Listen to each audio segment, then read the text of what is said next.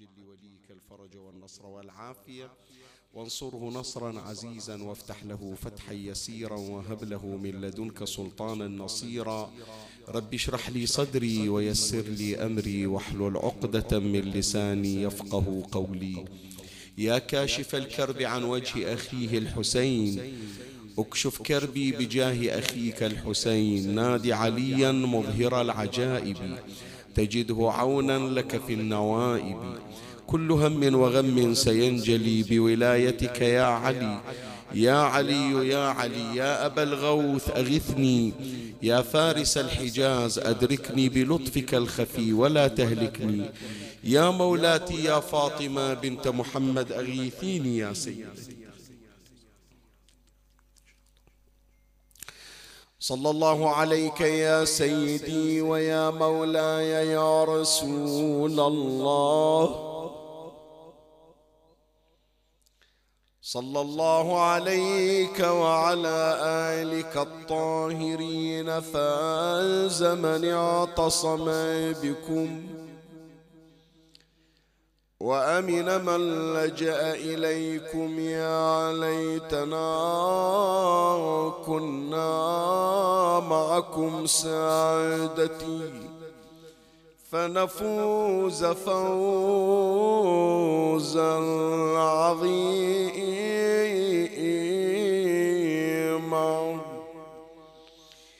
عن سلمان الفارسي رضي الله عنه قال حدثني عمار وقال أخبرك عجبا قلت حدثني يا عمار قال نعم شهدت علي بن أبي طالب عليه السلام وقد ولج على فاطمة عليها السلام فلما أبصرت به نادت أذن مني لأحدثك بلأحدثك لأحدثك بما كان وبما هو كائن وبما لم يكن إلى يوم القيامة حتى تقوم الساعة.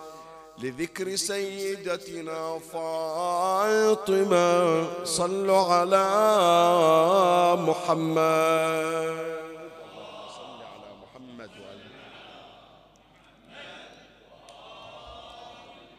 المقطع الشريف الذي اقتطعته من الرواية المباركة والتي أوردها العلامة المجلسي على الله مقام في بحار الأنوار الجزء 43 صفحة 8 هذا المقطع في حد ذاته فضلا عن الرواية كلها. أقول هذا المقطع. يكشف عن دلالات جدا مهمة بخصوص الزهراء مولاتنا عليها السلام. ويشير إلى علم مولاتنا فاطمة وأن هذا العلم الذي تمتلكه الصديقة الزهراء عليها السلام يكشف عن مميزاتها ومميزاته. يعني المقطع يكشف مميزات الزهراء ومميزات علم الزهراء عليها السلام. فأولا بالنسبة إلى علم فاطمة من مميزاته أنه ليس علما اعتياديا يتوفر عند أي أحد بدليل أنها كانت مصدرا من مصادر معارف باب مدينة علم رسول الله صلى الله عليه وآله وهو أمير المؤمنين عليه السلام. يعني المفترض أمير المؤمنين الذي حوى مليون علم. علمني رسول الله ألف باب من العلم يفتح لي من كل باب ألف باب. فمليون علم عند أمير المؤمنين لا يحتاج إلى إضافة.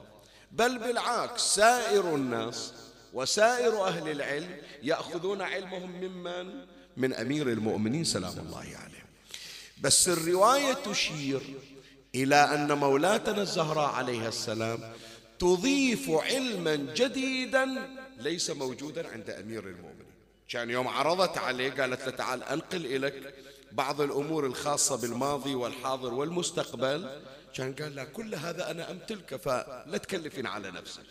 بس واضح بأن مولاة الزهراء وسيأتينا إن شاء الله في ذكر الرواية الشريفة.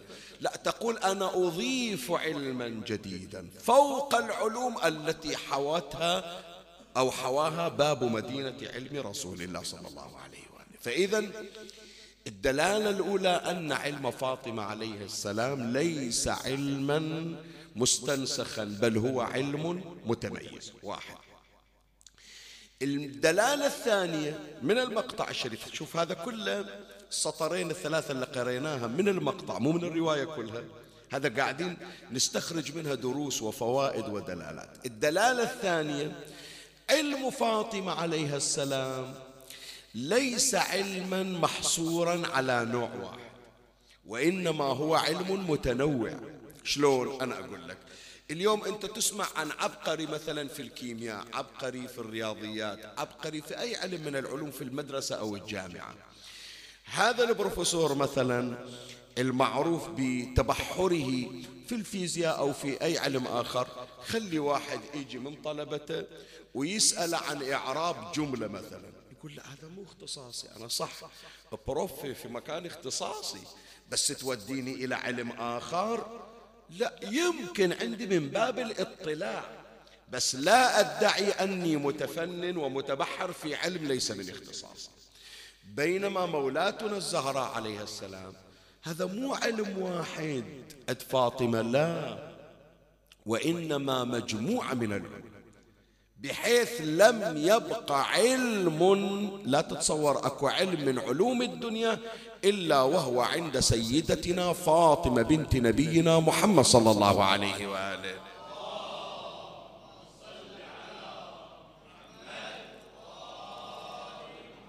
وهذا جنابك خلى نخليه على هامش البحث. يعني هذا البحث اللي أنا أسرده على حضراتكم لو تتصور مقروء الآن والصفحة قدامك سوي سطر سوي خط على طرف الورقة وخلي لك هامش حتى نخلي الملاحظات ونخلي المعلومات. هذه معلومة إضافية فوق البحث. رواية موجودة قصة فضة أنا ذاكرينها أكثر من مرة. يتذكرون أحبائي اللي يواظبون على الحضور في المجالس وسامعينها أكثر من مرة أنا ذاكرينها مولاتي فضة خادمة الزهراء سيدتنا عليها السلام. معروف بأنها قد جاءت من الهند. طبعا الروايات مرة تقول من الهند مرة تقول من نوبة نوبة وين؟ نوبة منطقة بين مصر والسودان يعني من إفريقيا. مرة يقولون عنها حبشية وهذا كله يمكن أن يجمع. شلون؟ يعني أصلها من الهند وتم سبيها ونقلت إلى إفريقيا ثم جيء بها من نوبة فتسمى من الهند تارة ونوبية مرة أخرى. على أي حال أبوها كان ملك من ملوك الهند وعلمها علم الكيمياء. أعطنها بعض المواد الخاصة تقدر تضيفها إلى الحديد مثلا أو إلى النحاس فيتحول إلى الذهب بمعالجة كيميائية. ومن إجت إلى بيت الصديقة الزهراء عليها السلام. شافت وضع البيت والأثاث المتواضع.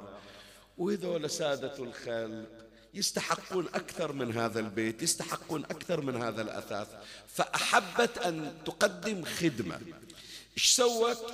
دورت إلها شافت قطعة حديد. لو قطعة حديد لو قطعة نحاس. وطلعت بقية المواد اللي كان أبوها الملك عاطنها إياها وقال لها هذا إحنا كنا نستخدمه. من ميزانية الدولة تقل. إحنا الملوك هذا ما يعطونا إلى أي أحد إلا إلى الملوك.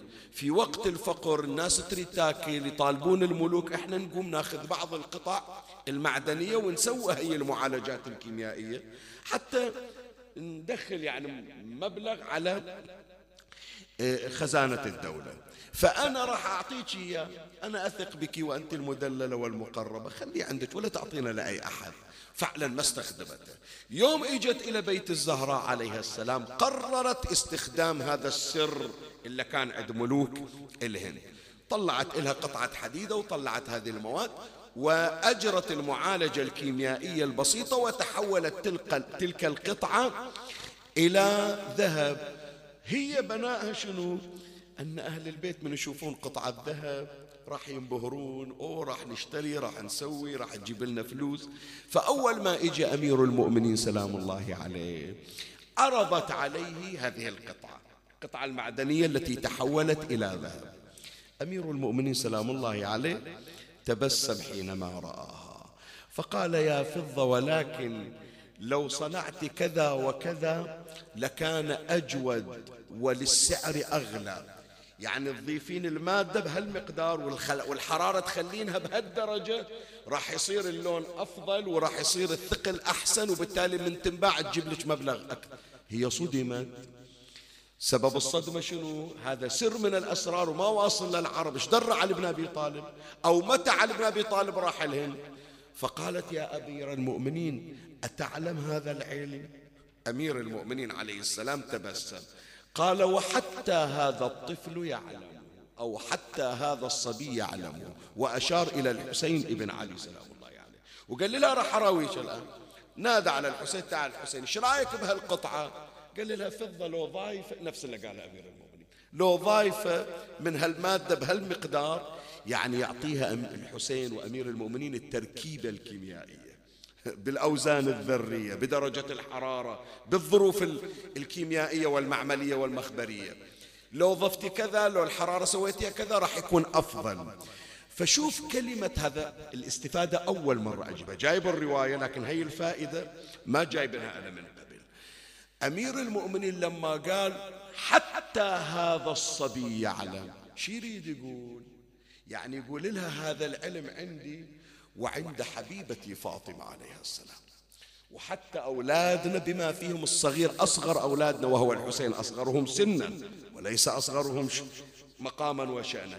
فمفاد الرواية أن فاطمة عليها السلام اللي تسمع عن خطبتها وعن علومها وعن درايتها في أمور التفسير في أمور القرآن في أمور الفقه في أمور الحديث في أمور التاريخ في الأمور الغيبية في الملاحم والفتن كل هالعلوم. تقول إيه لكن فاطمة ما طبت جامعة وبالتالي هاي العلوم اللي عندنا أصلا الزهرة ما تدري عنها. لا. مولاتنا الزهراء عليها السلام سيدة كل علم. علم الكيمياء هي سيدته. علم الفيزياء هي سيدته. العلوم الطبيعية هي سيدة فلم يبق علم خلقه الله إلا وجعله عند سيدتنا فاطمة بنت محمد صلوات الله عليه.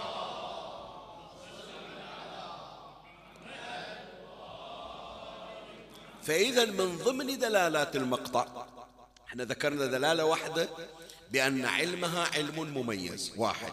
اثنين الدلالة الثانية علمها علم متنوع.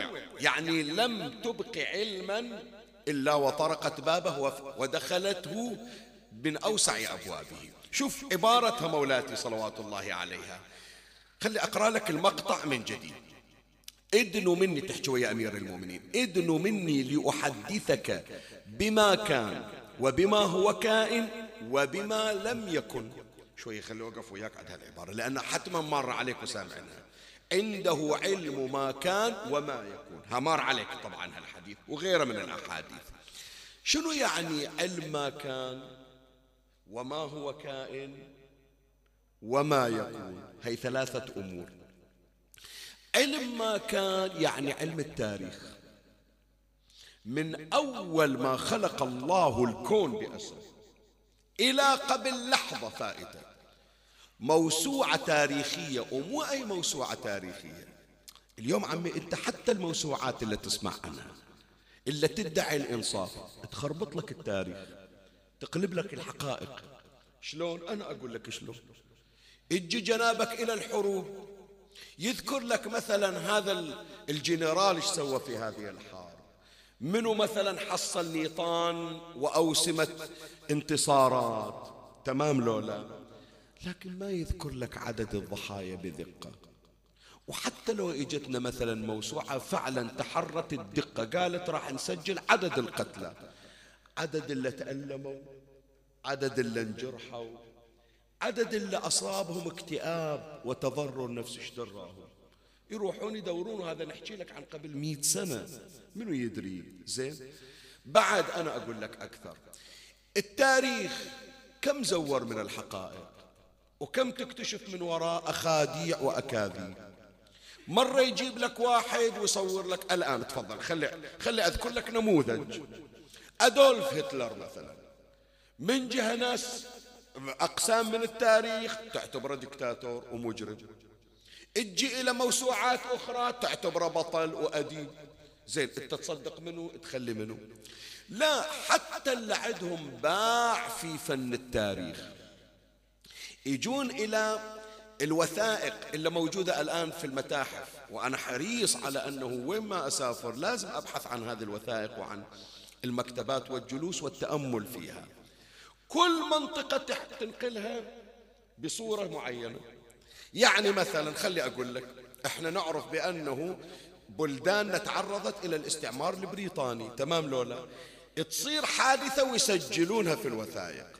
بس يعبروا لك يقول لك وفي التاريخ الكذائي كانت هناك فوضى وخرج مجموعة من الغوغائيين. زين شنو غوغائيين؟ إيه إلا طلعوا على بريطانيا سموهم غوغائيين. بس لما تجي إلى الوثائق اللي موجودة في البلد يقول لك لا ذولا محرومين وقاموا بثورة على بريطانيا أو على الاستعمار البريطاني فإذا أقول الحدث حتى لو سجله التاريخ ما يعطيك الصورة بوضوح. الصورة بوضوح تجدها عند من؟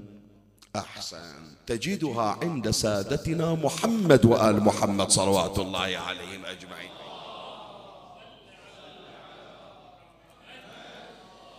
فلهذا أمير المؤمنين سلام الله عليه في بعض عباراته مفاد العبارة. أمير المؤمنين يقول إحنا لما تسألونا عن التاريخ ما نقول لكم خمسة آلاف قاف ميم. قاف ميم تعرف يعني شو يعني قبل الميلاد يعني.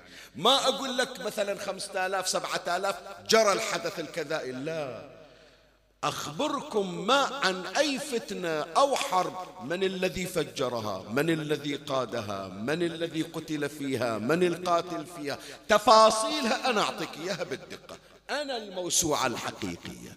فعمي اليوم حتى من تسمع موسوعات. على نحو الدقة لا تجد موسوعة دقيقة. الموسوعات الدقيقة عند سادتنا محمد وآل محمد صلوات الله عليهم.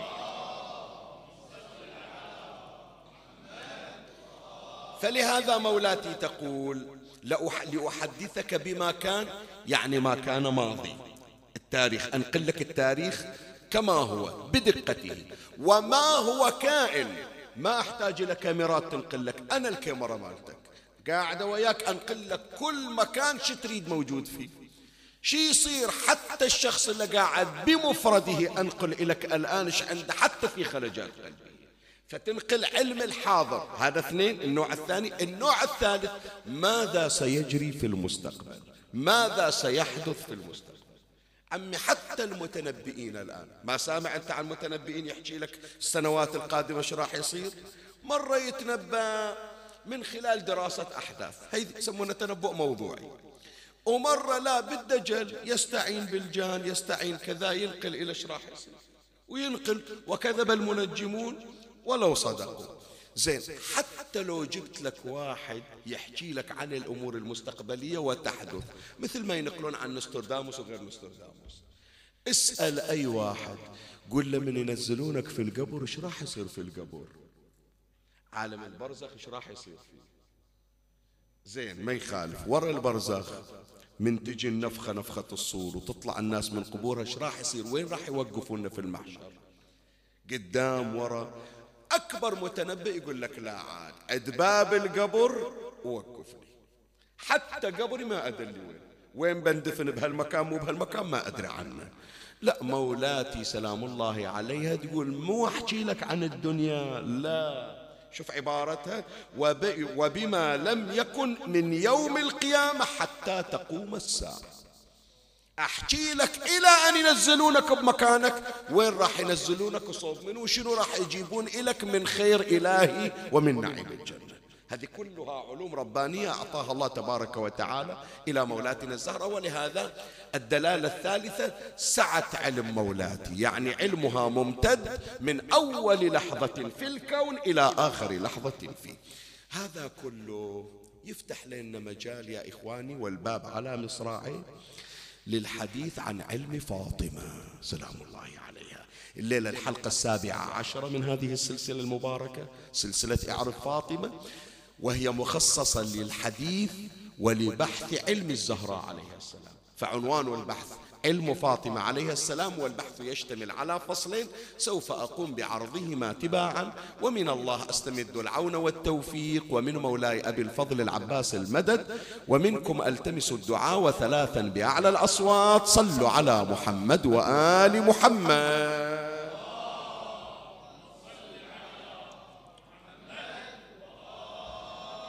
اللهم صل على محمد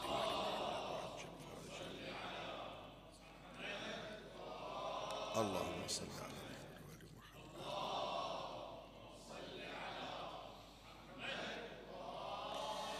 مولاي الكريم أنت حيثما كنت اسمعني وفرغ لي قلبك وأعرني سمعك وأقبل علي بكلك الحلقة السابعة عشرة من سلسلة إعرف فاطمة وعنوان البحث فيها علم فاطمة عليها السلام والبحث يشتمل على فصلين. أما الفصل الأول عنوانه مصادر علم فاطمة عليها السلام.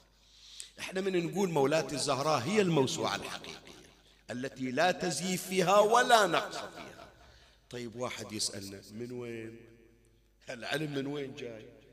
اليوم أي موسوعة اللي يوضعونها معروف فلان مو أي واحد يجيبونه يكتب موسوعة. شنو شهادات عنده بأي جامعة دارس؟ لأن كلمته راح تكون مسؤولة. طيب مولاة الزهراء من تقول راح أسولف لكم عن التاريخ وأسولف لكم عن الحاضر وأسولف لكم عن المستقبل وأي علم تريدون. معرفة بي اسألوني أنا. لأني أنا صاحبة العلم وأنا سيدة العلم. تيجي واحدة تسأل فاطمة وين دارسة؟ أنت من يا جامعة متخرجة. شنو الشهادة؟ مؤهلاتك العلمية شنو؟ فإحنا في هذا الفصل يا إخواني سوف نتعرف على مصادر علم الزهراء. من أين تستقي فاطمة عليها السلام؟ علمها. أما الطريق الأول الذي منه تتعلم فاطمة الزهراء عليها السلام. هذا أول مصدر أول مصدر علمي لمولاتنا فاطمة. هو نور علم الله تبارك وتعالى.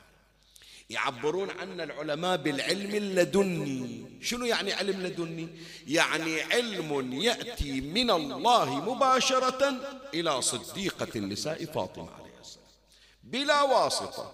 لا ملك نقلة لا محمد نقلة صلى الله عليه وآله لا علي نقلة. مباشرة يأتي من نور علم الله. الله تبارك وتعالى علمه نور. الله نور السماوات والأرض. واحدة من تفسيرات هذا النور الإلهي نور العلم. نور علم الله تقتبس منه مباشرة فاطمة الزهراء عليها السلام. بلا واسطة وإذا كل شيء لا يخفى على الله يطلعه الله تبارك وتعالى على صديقة النساء فاطمة بمشيئته. طيب فهي مظهر لعلم الله تبارك وتعالى. خلي أنقل لك الرواية. هذا المقطع اللي ابتدأنا به صدر المجلس. خلي أجيب لك الرواية تامة. يرويها العلامة المجلسي على الله مقام في بحار الأنوار الجزء 43 صفحة 8 الرواية عن سلمان. رضوان الله عليه. قال حدثني عمار. الآن منو يحدث الثاني؟ عمار ابن ياسر ينقل إلى سلمان. حدثني عمار وقال أخبرك عجبا؟ يعني أسولف لك بشغلة إلى الآن محيرة راسي. أخبرك عجبا؟ فقلت حدثني يا عمار. شوف عبارة حدثني يعني شنو؟ هو يقول له أخبرك عجبا. المفترض يرد عليه شو يقول له شنو العجب؟ يعني مثل ما عمار يتعجب يكون سلمان هم يتعجب. بس لأن سلمان رتبته أعلى من عمار. يقول لعمار هي عجيبة براسك أنت. بس إحنا نعرف منو الله شرفنا بخدمته سولف لي اللي متعجب من عنده سولف لي أنا عندي مو عجيب. عندك أنت عجيب بعدك ما واصل. فهذه فيها نكتة ولائية يكون تلتفت إليها. أخبرك عجبا. قلت حدثني يا عمار. قال نعم شهدت علي بن أبي طالب عليه السلام. وقد ولج على فاطمة. ولج على فاطمة يعني دخل على فاطمة. وحط بالك لأنه إلي شغل فيها من أخلص الرواية. بعض أحبائنا سألونا سؤال البارحة وهذه الليلة بها جواب عليها. ولج يقول شهدت عليا وقد ولج على فاطمة. يعني عمار كان عند فاطمة وإجا علي دخل على فاطمة وعمار حط بالك وركز. وحاسب في الرواية التفت إلى هذه اللفتات لأنه راح نوقف عندها مرة أخرى. قال شهدت علي بن أبي طالب عليه السلام وقد ولج على فاطمة عليها السلام فلما أبصرت به نادت ادن مني لأحدثك بما كان وبما هو كائن وبما لم يكن إلى يوم القيامة حتى تقوم الساعة. هذا المقطع اللي قريناه في البداية إذا تتذكرون. الآن نكمل الرواية.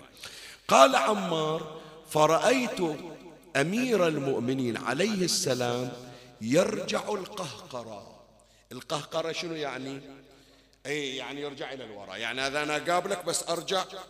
إلى الخلف. وجه مقابلنك وأنا أرجع إلى الخلف. وهذه بعد لنا شغل فيها راح نوقف عندها بعد نهاية الرواية. قال فرأيت أمير المؤمنين عليه السلام يرجع القهقرة. فرجعت برجوعه. يعني هم أنا قمت من مكاني وصرت أرجع إلى الخلف مثل ما أمير المؤمنين يرجع. فرجعت برجوعه إذ دخل على النبي صلى الله عليه وآله. فقال ادن مني يا أبا الحسن. فدنا فلما اطمأن به المجلس قال تحدثني أم أحدثك؟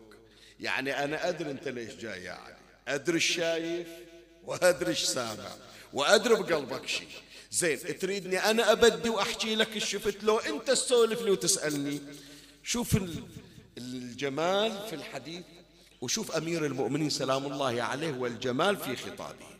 قال أحدثك تحدثني أم أحدثك؟ قال الحديث منك أحسن يا رسول الله. ما يحتاج أسولف. من أنت تسولف أجمل من أسمع صوتك. الحديث منك أحسن يا رسول الله. فقال كأني بك وقد دخلت على فاطمة. وقالت لك كيت وكيت. فنقل الحديث اللي صار بين علي وفاطمة وعمار كان حاضر. فرجعت يعني رجعت إلى الخلف والآن جاي تسألني فرجعت. فقال علي عليه السلام نور فاطمة من نورنا. شوف ما قال أمير المؤمنين سلام الله عليه إلى النبي إيش دراك يا رسول الله؟ لا يدري رسول الله ملهم من السماء. الآن يقول خلاص تجاوزنا إيش دراك ما إيش دراك؟ اي جاي خبرك هاي القضية. الآن السؤال اللي عندي هي برتبتنا إحنا. أنت يا رسول الله عندك علم من الله مباشرة. وأنا عندي علم من الله مباشرة. فاطمة هم مثلنا عندها علم من الله مباشرة. لو لا تأخذ علمها من عندي ومن عندك. اسمع. قال نور فاطمة من نورنا. فقال صلى الله عليه وآله. أولا تعلم يعني توك تدري. وهي طبعا واحد يجي يقول شنو أمير المؤمنين؟ ما يدري. ترى مبحوث هذا بعض الفقهاء بعض المحققين عفوا في كتبه وتحليلاته وبحوثه متعرضة لها الجانب. ليش أمير المؤمنين رجع إلى الوراء؟ متعجب يعني؟ ما يدري عن الزهرة. وليش جاي يسأل النبي؟ ما يعرف من فاطمة تو عارفنها لا. يجاوبون بأن أمير المؤمنين يريد أن يكشف مقام الزهراء لمنه.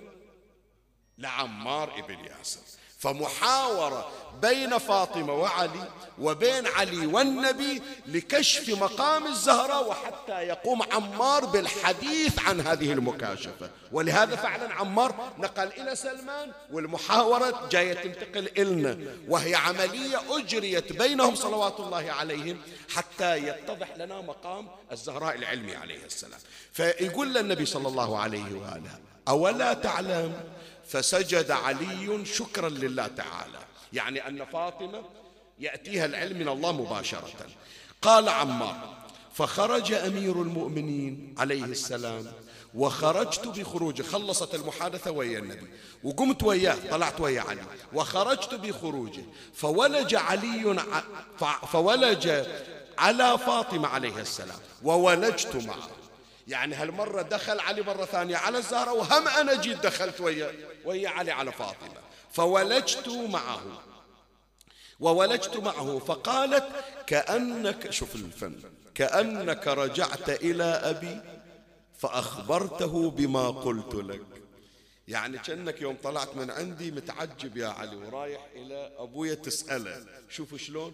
فالنبي يكشف بأن الله يطلعه. والزهراء عليها السلام تكشف بأن الله يطلعها.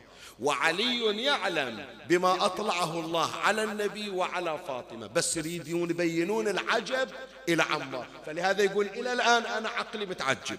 متعجب من منو؟ متعجب من فاطمة متعجب من نبينا محمد صلى الله عليه وآله.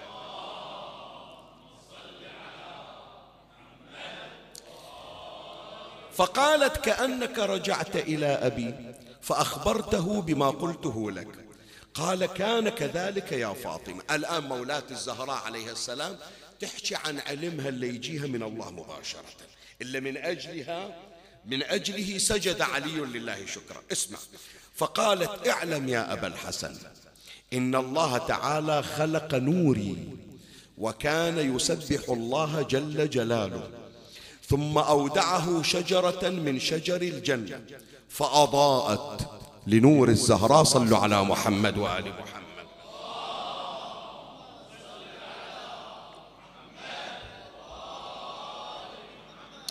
وقالت فأضاءت فلما دخل أبي الجنة أوحى الله إليه إلهاما أن اقتطف الثمرة من تلك الشجرة وأدرها في لهواتك. هذه الثمرة النورانية اقتطفها وخليها بحلقك وأدرها في لهواتك. ففعل فأودعني الله سبحانه صلب أبي صلى الله عليه وآله. ثم أودعني خديجة بنت خويلد. فوضعتني وأنا من ذلك النور. أي نور؟ نور علم الله عز وجل. وأنا من ذلك النور. أعلم ما كان وما يكون وما لم يكن. يا أبا الحسن حطوا بالكم شباب يهمني هذا تحطون تحت خط. يا أبا الحسن المؤمن ينظر بنور الله تعالى. يعني ما أحتاج إلى كتاب أفتحه ما أحتاج حتى إلى ملك يجي ينقل إلي وإنما ما أريد علمه الله تبارك وتعالى يقذفه في قلبي كما يقذف النور في قلب الأنبياء. هذه مولاتنا الزهراء عليه السلام. طيب الرواية بعد ما انتهت البارحة يا جماعة بعض من أحبائنا الله يبارك فيهم عرضوا هذا السؤال. والسؤال مستحق يعني ودليل نباهة ودليل ذكاء ودليل ولاء. قالوا شيخنا البارحة أنت جبت قصة جابر لما دخل آه عفوا جبنا قصة جابر لما دخل على مولاة الزهراء عليها السلام وهي تطحن. عفوا سلمان سلمان الفارسي. وتمام؟ ليش جبت جابر؟ لأن إلنا شغل في الرواية الآن. فصار عندي سبق في اللسان. سلمان الفارسي لما دخل على الزهراء عليها السلام وهي تطحن بالرحى ونظر إلى الدم يسيل على مقبض الرحى. السؤال المتبادر شيخنا شلون سلمان يدخل على فاطمة؟ مو تمام؟ كيف سلمان يدخل على الزهراء عليها السلام؟ والمفترض أن مولاتي فاطمة لا يدخل عليها أحد. سيدة العفاف سيدة الشرف. والمفترض في سلمان أنه أجنبي. لا مولاي الكريم اسمع.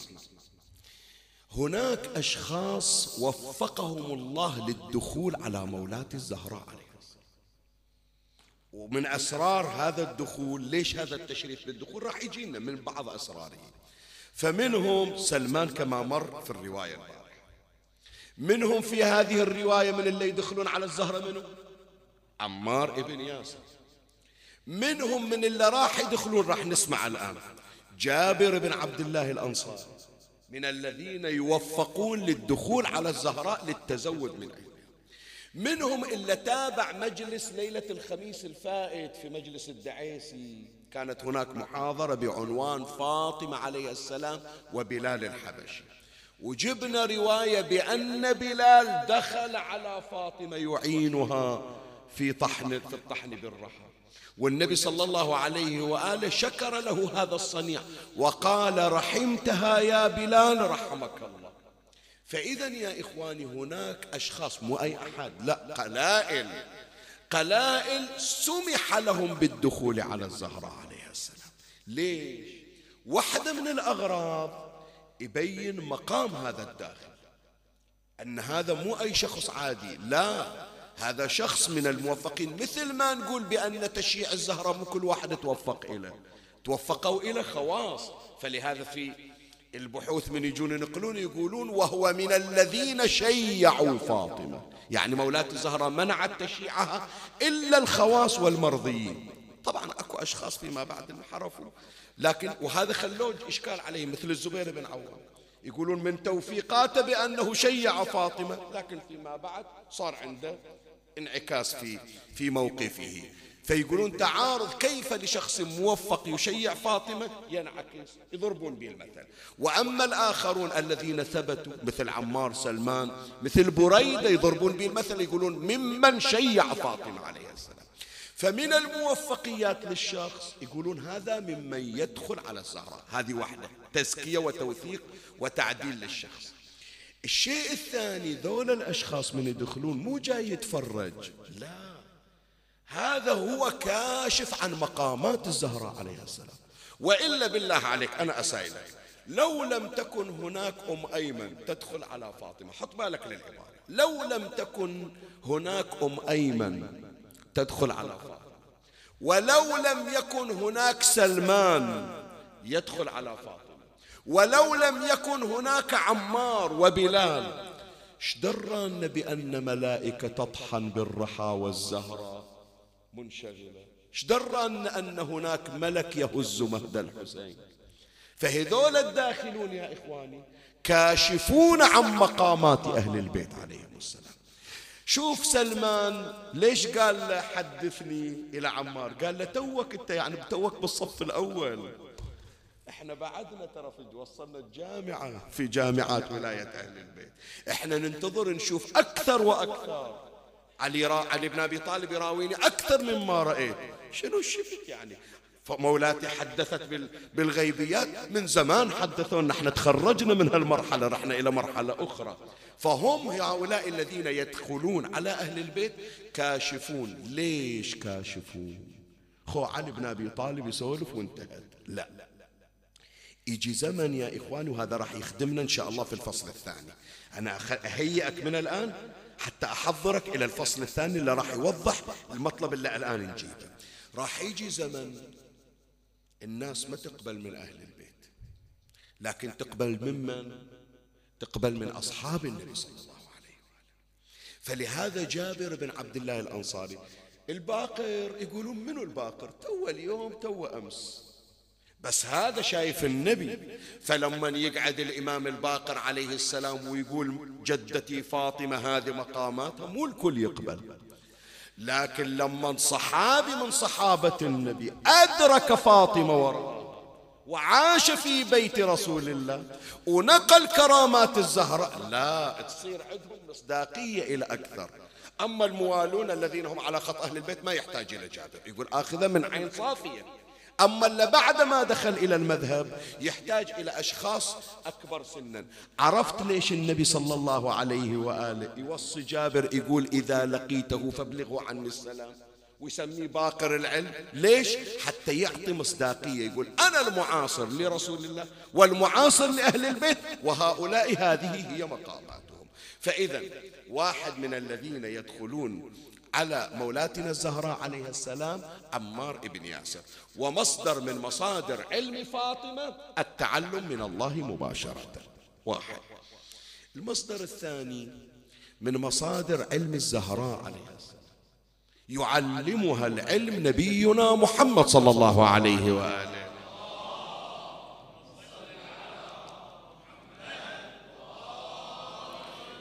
وأنقل لك هذه الرواية. اللي هي تبين لنا عقوبة المتهاون في الصلاة. الليلة أنا سبحان الله إلي غرض أنه هذه الرواية أجيبها. إحنا الحمد لله رب العالمين. وجبة ولائية دسمة ولله الحمد. على مدى سبعة عشر ليلة إحنا جايين نغذي أنفسنا بها بس نريد يا إخواني أنه ما تطلع هالليالي وما يطلع الموسم. إلا ابتدأنا ثورة تصحيحية في سلوكنا. سلوكنا مع الله سلوكنا مع أسرنا. فلهذا تشوف أنا لازم أتوقف عند بعض الإرشادات وأنا أولى الناس بها. فمولات الزهراء عليها السلام تنقل لنا ما يحصل للذي يقصر في صلاته ويتهاون ليلة أريد أذكر لك رواية مولات الزهراء عليها السلام. ما أحب أنا أسلك دائما منحى التخويف ولا أحب مجلسي يكون مجلس مرعب. ومخيف ومزعج. لا دائما أحب أني أنا أعطي شحنة التفاؤل. بس هي الرواية ضروري أني أنا أذكرها. ولا تأخذها بالجانب السلبي. لا.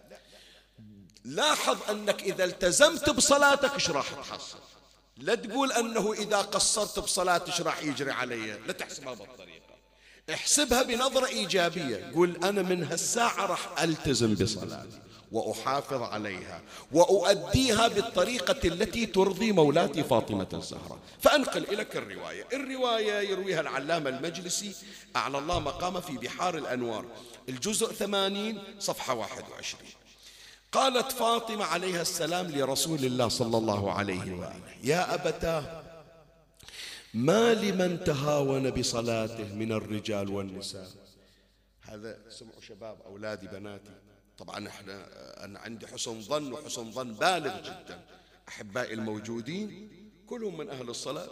واحد واحد يقول لي شيخنا إيش دراك هذا واحد من الأدلة. إحنا قاعدين في بيت الله في مسجد قاعدين. دليل أن إحنا نتردد على المساجد ومحافظين إن شاء الله على صلواتنا. بس هذا من باب التذكير ولعل شخص عنده من التقصير تسمعها يسمع هذه الكلمة تغير مجرى حياته ببركة الزهرة. قالت يا أبتاه ما لمن تهاون بصلاته من الرجال والنساء؟ قال يا فاطمة من تهاون بصلاته من الرجال والنساء ابتلاه الله بخمسة عشر خصلة مو شي واحد. لا خمسة عشر شي يجي. للا منو؟ مو اللي يترك الصلاة. اللي يتهاون في الصلاة. يتهاون في الصلاة شنو يعني؟ يعني يأخر الصلاة إلى غير وقتها من غير داعي ومن غير سبب. يعني يقرأ ما يعطي حق الأذكار ولا حق الأفعال. هذا التهاون هذا الاستخفاف هذا التقليل من شأن الصلاة يبلي هذا المتهاون بخمسة عشر خصلة. شلون يا رسول الله؟ قال ست منها في دار الدنيا. خمسة عشر مو كلها في الدنيا مقسمة. ست منها في دار الدنيا. وثلاث عند موته وثلاث عند قبره وثلاث في القيامة. فتسع وست خمسة عشر خصلة. قال وثلاث في القيامة إذا خرج من قبره. فأما اللواتي تصيبه في دار الدنيا شوف هذا اللي يتهاون في الصلاة شي يصيده شي يصيبه وهو بعد على قيد الحياة. فالأولى يرفع الله البركة من عمره. عمره ما في بركة. إحنا البحارنا عندنا مثلا نقول وين ما يطقها عوجة. شنو يعني؟ لا بشغله متوفق لا بزواجه متوفق لا بسفره متوفق لا ويا أصدقائه متوفق لا في عمل يسويه متوفق. البركة مسلوبة من عمره يقضي ستين سنة سبعين سنة لكن تسأل إيش سويت فيها؟ يقول ما سويت طلع أبدا كما جاء. هاي واحدة من تداعيات التهاون بالصلاة يرفع الله البركة من عمره. الثانية ويرفع الله البركة من رزقه. الثالثة ويمحو الله عز وجل سيماء الصالحين من وجهه. وكل عمل يعمله لا يؤجر عليه. واقف يشتغل بالموكب بالمضيف لكن يقول الصلاة مو مهمة. ما يحصل ثواب. ما يحصل ثواب. النبي يقول ولا يرتفع دعاؤه إلى السماء. يحضر إحياء ليلة القادر يقرأ أدعي ما تفيد. إلا يكون يضبط صلاته. والسادسة هي مخيفة يا إخواني. والسادسة ليس له حظ في دعاء الصالحين.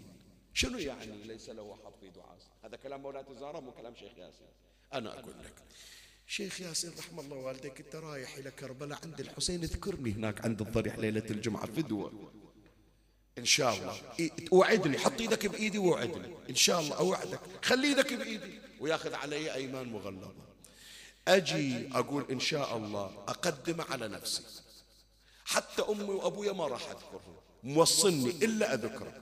من أجي على الضريح الحسين أرفع إيدي أذكر كل الناس وهو الله ينسيني إياه. ليش الله ينسيني إياه؟ لأنه تهاون في الصلاة حرمه الله من دعاء الصالح. يا الله الله. هي عمي بروحها تكسر الظهر ترى. هي بروحها هسه تكسر الظهر. الزهراء تقول لا اصبر بعد. غير تقول ما أنا معدل صلاتي أقول لك إيش راح يجي. قال وأما اللواتي تصيبه عند موته فأولي فأولاهن اللهم يا مجير اللهم يا مجير اللهم يا مجير. فأولاهن أنه يموت ذليلا والثانية يموت جائعا. وقالت مولاة الزهراء الثالثة عند الموت والثالثة يموت عطشانا فلو سقي من أنهار الدنيا لم يروى عطشه لو يجيبون له الدنيا كلها ما يروي.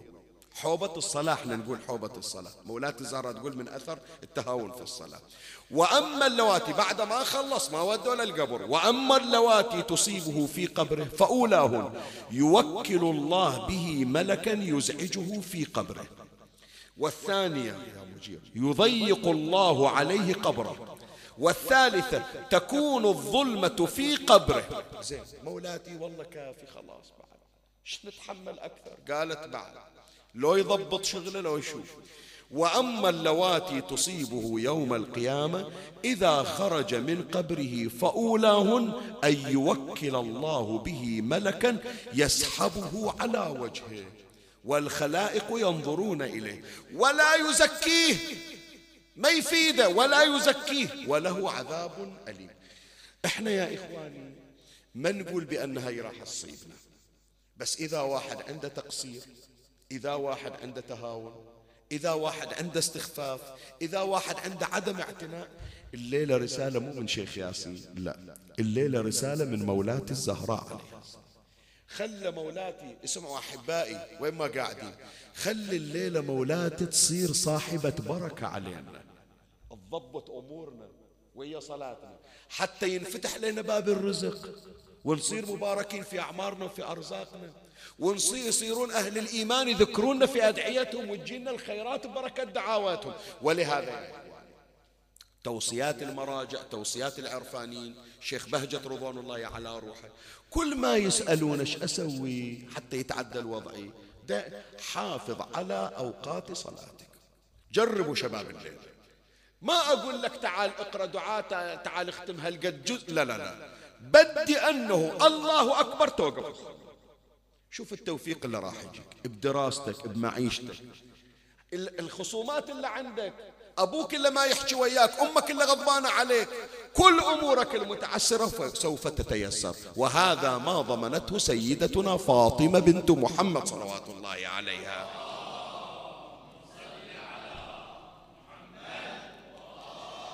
فإذا مصادر علم الزهراء عليه السلام قلنا الأول نور علم الله الثاني تعليم رسول الله الثالث جبرائيل ينزل ويعلم فاطمة. مدرسها جبرائيل. الرواية عن الإمام الصادق عليه السلام في بحار الأنوار الجزء 43 صفحة 79 قال إن فاطمة مكثت بعد رسول الله صلى الله عليه وآله خمس وسبعين يوما وقد كان دخلها حزن شديد على أبيها. وكان جبرائيل حط بالك وكان جبرائيل يأتيها فيحسن عزاءها يعني جاي يخلف عليها من جهة فيحسن عزاءها على أبيها ويطيب نفسها ويخبرها عن أبيها ومكانه ويخبرها بما يكون بعدها في ذريتها وكان علي عليه السلام يكتب ذلك يعني تعليم جبرائيل يكتب ذلك فهذا مصحف فاطمة. فإذا ذكرنا ثلاثة من مصادر علم الصديقة الزهراء وأما الفصل الثاني والأخير وبه ختام المجلس أحاول أضغط حتى الوقت ما يداهمنا أكثر من هذا. زين مولاتي تعلمت علمها الله وعلمها أبوها المصطفى وعلمها جبرائيل. إيش قدمت لنا الزهرة؟ خلي أذكر لك في هذا الفصل بعض من أنواع علم الزهراء عليه السلام. أما النوع الأول مولاة الزهراء وعلم التوحيد.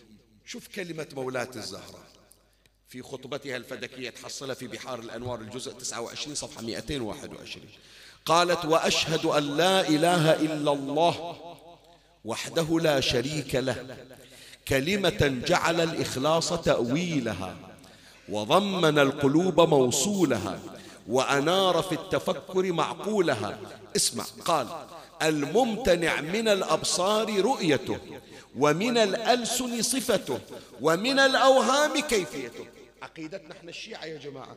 أولا قالت الممتنع من الأبصار ما أقدر أشوف الله الله لا يرى. لا الآن ولا مثل ما يرى البعض أنه في القيامة راح يطلع لنا الله ونشوف.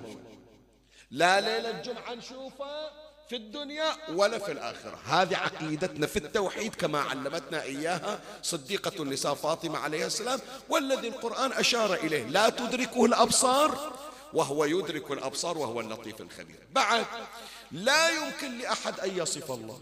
تعال اقعد الآن خلنا ندور عن عبارة نوصف بها الله. ما الله تبارك وتعالى لا يوصف كما قالت ومن الألسن صفته. بعد خلنا نقعد نتخيل الله شلون. الله مخلوق من نور الله مخلوق من هواء الله مخلوق.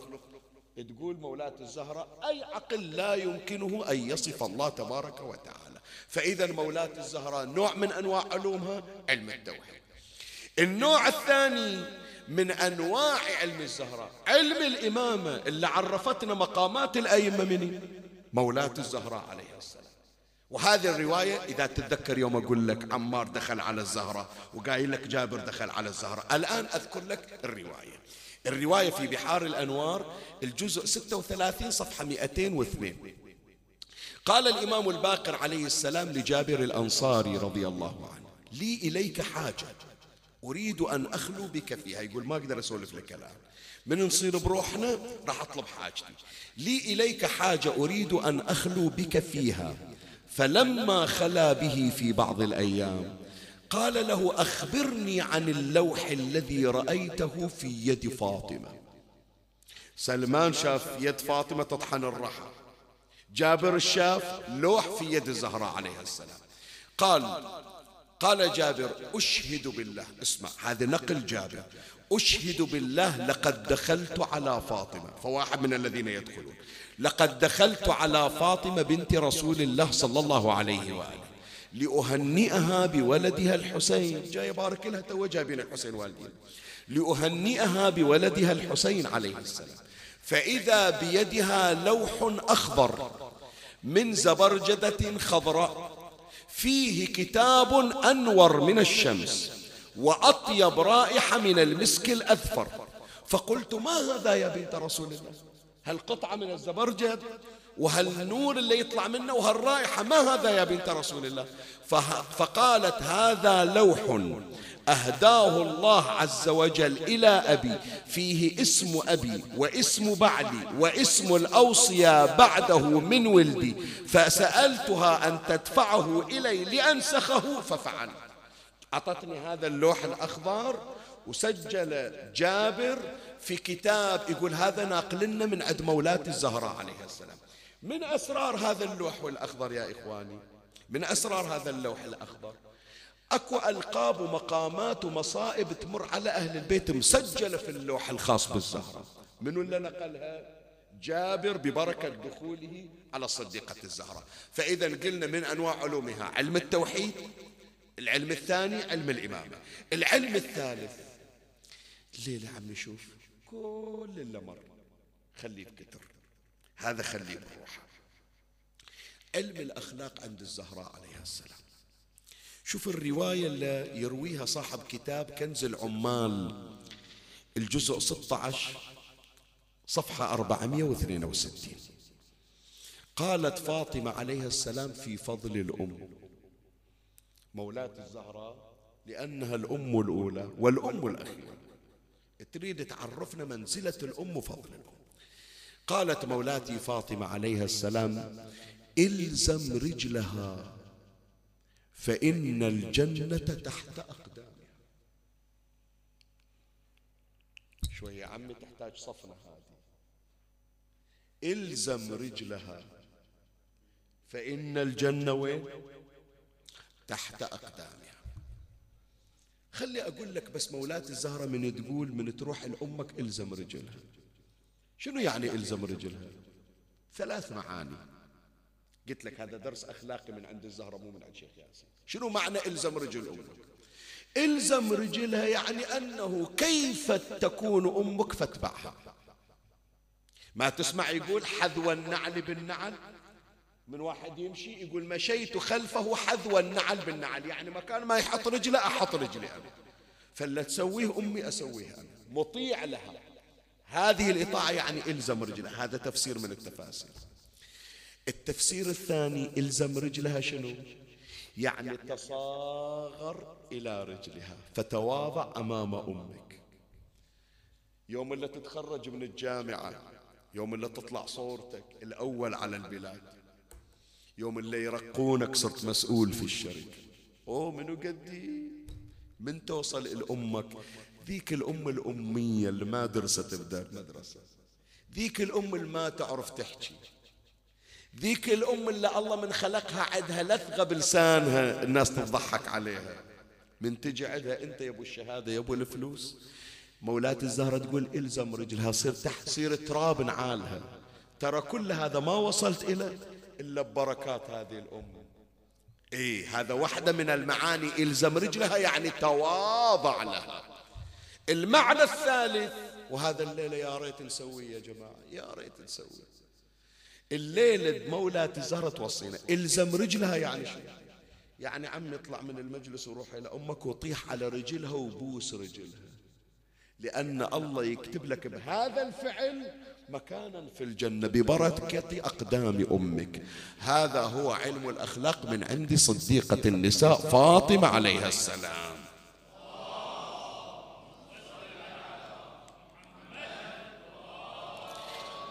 وأما العلم الأخير وبه ختام المجلس الآن عندي خمس دقائق حتى أكمل الساعة أريد أذكر هالسطرين وأختم المجلس. الرواية في بحار الأنوار الجزء 43 صفحة 80 علم رابع نوع من أنواع علوم فاطمة. فاطمة تتكلم بعلم المغيبات. إيش راح يصير بالمستقبل؟ عند مولاة الزهراء عليها السلام. عن حماد بن عثمان قال سمعت أبا عبد الله يعني الإمام الصادق عليه السلام يقول تظهر زنادق سنة ثمانية وعشرين ومئة يعني مية وثمانية وعشرين للهجرة. حط بالك واحفظ الرقم لأن إلي شغل وراء الرواية عجيبة. تظهر زنادق الزنادقة منه يعني لعدهم انحرافات عقائدية. تظهر زنادق سنة ثمانية وعشرين ومئة. من وين جايب هالتوقيت خوقول راح تطلع زنادقة حاط التوقيت والسنة من وين جايب لنا قال وذلك لأني نظرت في مصحف فاطمة. قال فقلت وما مصحف فاطمة؟ فقال إن الله تبارك وتعالى لما قبض نبيه صلى الله عليه وآله دخل فاطمة من وفاته من الحزن ما لا يعلمه إلا الله عز وجل. فأرسل إليها ملكا يسلي عنها غمها ويحدثها فشكت ذلك إلى أمير المؤمنين عليه السلام. فقال لها إذا أحسست بذلك وسمعت الصوت فقولي فقولي لي. فأعلمته فجعل يكتب كل ما سمع. يعني كل شيء مغيب الملك يسولف للزهرة يجي أمير المؤمنين يدون مباشرة. قال فجعل يكتب كل ما سمع حتى أثبت من ذلك مصحفا. قال ثم قال أما إنه ليس من الحلال والحرام ولكن فيه علم ما يكون. الأمور المستقبلية. ومن الأمور المستقبلية أن سنة 128 تظهر الزنادقة. مثل ما قال الإمام الصادق. الغريب يا إخواني أنا ما أخذت الرواية بس وكتبتها وقلت أجي أقرأها. قلت لو واحد يطالبني يقول لي زين سنة 128 منو من الزنادقة طلعت رحت أدور بحث آخر عقب ما خلصت التحضير رحت أبحث بحث جانبي. إجيت إلى تاريخ الزنادقة متى طلعوا؟ قالوا طلعوا في سنة مروان الثاني مو مروان ابن الحكم مروان آخر حكام بني أمية. أول ما طلعت حركة الزنادقة وابتدوا يطلعون وينشرون الأفكار الضالة في زمن مروان. جيت أدور في التاريخ. في أي سنة حكم مروان بن الحكم مروان ابن محمد. إلا إلى لقب معروف ما أريد أجيبه الآن. مروان بن محمد آخر الخلفاء الأمويين. أربع سنوات طلعت حركة الزنادقة سنة 128 للهجرة. كما سجلتها ووثقتها مولاتي فاطمة الزهراء. فعمي شوف كل حرب تصير كل معركة تصير كل ملحمة تصير كل ثورة تصير. ترى مسجلة عند أهل البيت. ومن وين ماخذينها؟ من علم مولاتنا فاطمة. عم انتهى بحثي. ساعة كاملة نحكي عن علم الزهراء صارت أزمة كورونا. فرضوا حظر تجوال بالعالم. راهنوا أن قضية الحسين انتهت. ومأتم الحسين سوف يغلق إلى الأبد. وتنتهي أسطورة اسمها شعائر الحسين. قالت فاطمة هيهات. إيه شغل الله هذا. حسين ولدي باقي ومأتم ولدي باقي. ولهذا هذا آخر سطر هو مسك عنبر هذا المجلس والنقطة ليش عمي بعد ما قاري لك إيش سوى بيك الحسين اللي حرك الدمعة بعينك؟ ما أدري الليلة دمعة على منو على فاطمة لو على ولد فاطمة.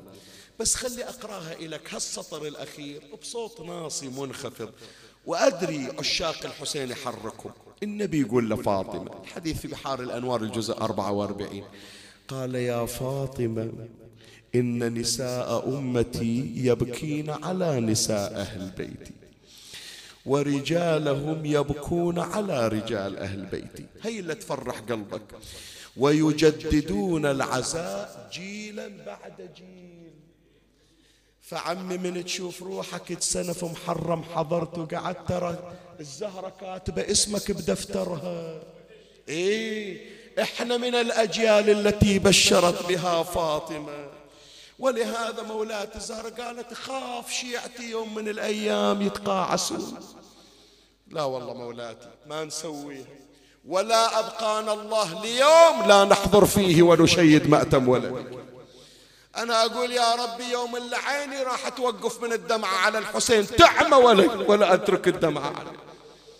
سألت الله إذا شاء قبض روحي أن يقبضني وأنا متلبس بخدمة الحسين. قالت أخاف يوم يفترون أخاف يوم يبردون أخاف يوم يخوفونهم لتروحون الماتم. لا راح أشجعهم ما يقعدون في مكان إلا أحضر وياهم. إي والله أجي وأحضر بالمجلس وياهم. عمي من يقولون لك وحدة قاعدة على باب الحسينية كلكم تطلعوا. اطلي مهله ابوس إيدك. عمي وحدة تدور بالحسينية. أدور بالمجالس مثل المضيع. فدوى إلك وإلى ولاك فدوى إلى بير زمزم اللي مخلينها بعينك. عمي بير زمزم يوقف مايه ودموعنا ما توقف عليك يا أبا عبد الله. أدور بالمجالس مثل المضيعة وأدور على القار الذي ينعى. اسمعني اسمعني. اسمعني أرشن باب الحسينية بالدمعة وصيح بصوت آه يا حسين ومصاب.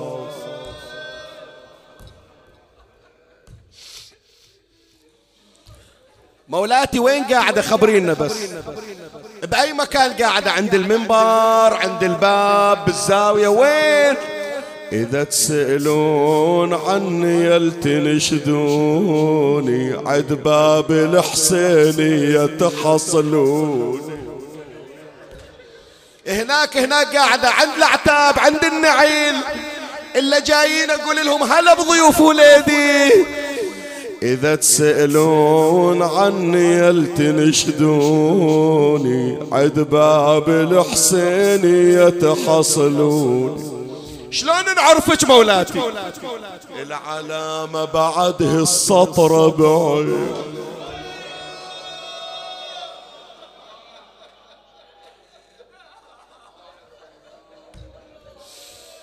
ما بردت خمس الأصابع ما بردت. بعدها عم الطبعة على عينها. إيه ظل بعينها إلى يوم القيامة. إذا تسألون علي يلتنشدوني عد باب الحسينية تحصلوني العلامة بعده الصفعة بعيوني. بعيوني أصيح بصوت آه يا حسين ومصاب آمري إن مولاتي تريدين من عندنا حاجة؟ إحنا جايين ضيوف لكن خدام إلك وإلى ابنك. قالت اي حاجة واحدة. آمري مولاتي إذا شفتون حرمة بالحسينية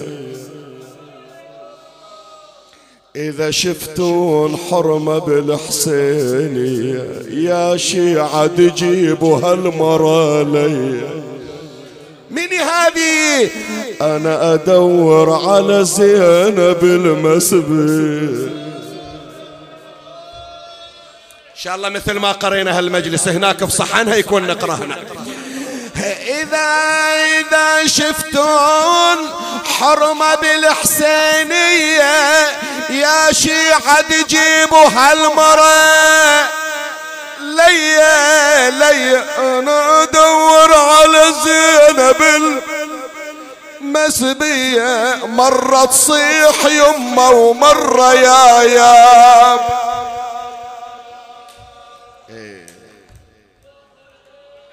نروح إليها الليلة. ما مر ما مرت علينا ليلة ما ذكرناها أصلا.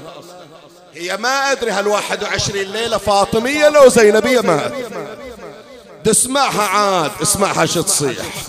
الزمن الزمان الزمن خلاك تضحك علي. الزمن خلاك خلاك خلاك تضحك علي تدخل خيمتي وتضرب رقي. أشوفك قاعدة شو ما تقومي. هاي النوق وصلت حتى تمشي. زينب أريد أوقف وأشوفك من تصعدين. وأريد الناس تنظر لك سبيل. عزك راح يوم طاح أبو فاضل. خلاص انسي ذاك العز يا زينب. قل للناس لا تنظر إلي يا ما بيك رحمة ولا حمية. يا ظالم يا ظالم ليش هيك تسوي بي شوف إيش أسوي. أنا شلون أصعد ومجتوفة؟ هذاك اللي على النهر هو اللي يقول لك آمريني وتدللي أنا ما عندي وحدة ترفع صوتها ما الك إلا الصوت ينزل على ظهرك. علي يا سبية لا تشرطين. تصعدين الجمل لو ما تصعدين. شلون أقرأ البيت هذا؟ ترى مالك حشيمة راح الحس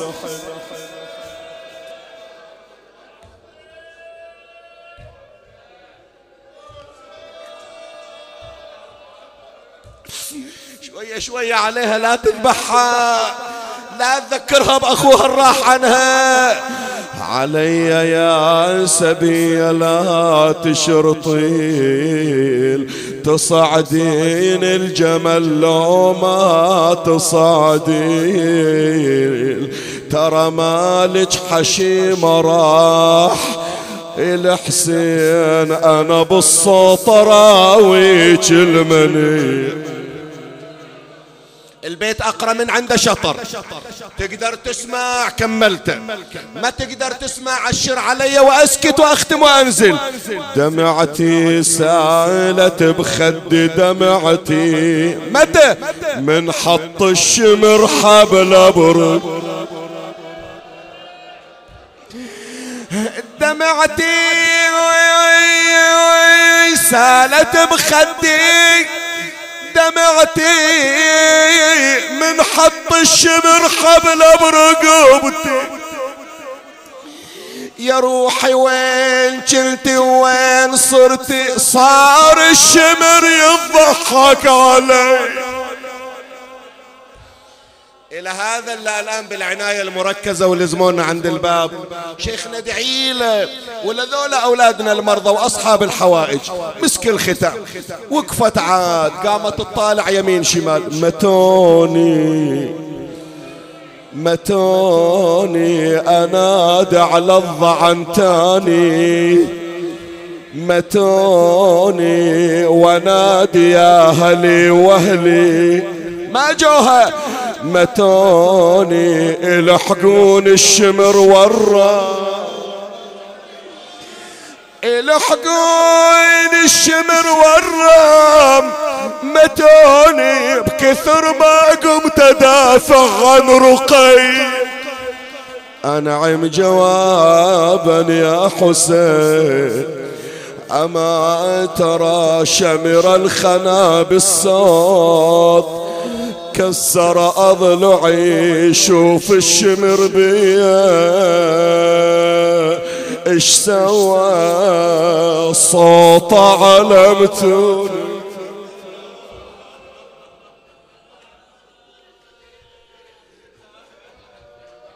اللهم صل على محمد وآل محمد.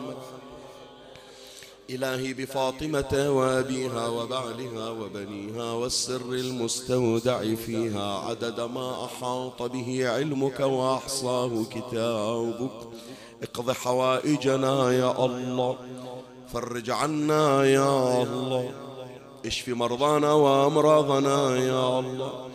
اللهم ارزقنا توبة قبل الموت تبيض بها وجوهنا يوم نلقاك اللهم ارزقنا رضا قلب مولاتنا فاطمة علينا فإن في رضا قلبها رضاك علينا. اللهم عجل فرج إمامنا صاحب العصر والزمان. اجعلنا يا ربي من خلص حواريه وخدامه وارزقنا تقبيل يديه وأقدامه. ترحم على امواتي وأموات الباذلين والسامعين والمؤمنين سيما من لا يذكره ذاكر ولا يترحم عليه مترحم.